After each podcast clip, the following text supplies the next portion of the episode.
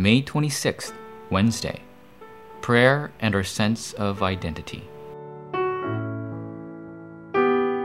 Philippians chapter 1 verses 3 through 5. I thank my God every time I remember you in all my prayers for all of you. I always pray with joy because of your partnership in the gospel from the first day until now. In our Christian walk of faith, the area in which we have the most trouble is prayer. How must we pray? We can turn morning hours into scheduled worship time using the prayer journal. And we seek after God's blessing in our everyday lives as we connect our daily schedule with evangelism. In addition, we pray for the filling of the Holy Spirit in order to receive strength in our real lives. As you pray this prayer, however, what is the sense of identity that we must enjoy? Number one, personal life of enjoying the gospel. Before anything else, we must understand what the gospel is and enjoy it.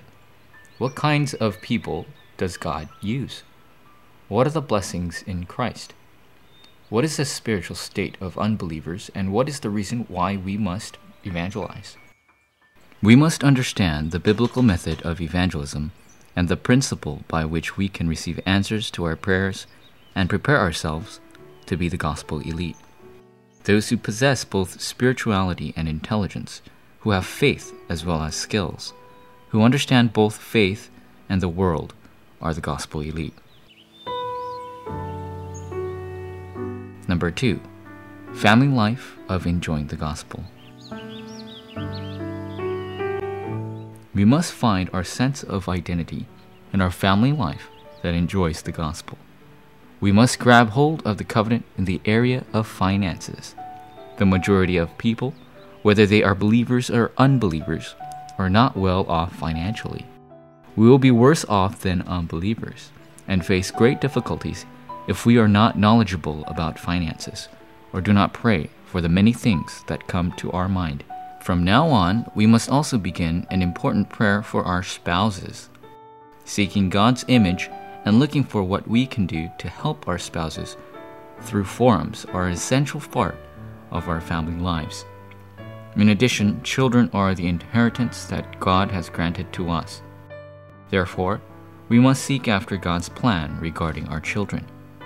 It is at this time that we could find and enjoy the blessing of a successful family.